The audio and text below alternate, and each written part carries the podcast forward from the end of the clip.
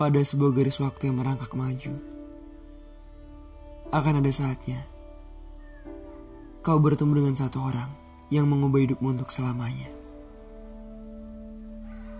Kemudian, satu orang tersebut akan menjadi bagian terbesar dalam agendamu. Dan hatimu tak akan memberikan pilihan apa pun kecuali jatuh cinta. Biarpun logika terus berkata bahwa resiko dari jatuh cinta adalah terjerembab di dasar nestapa. Oh, betapa ku saat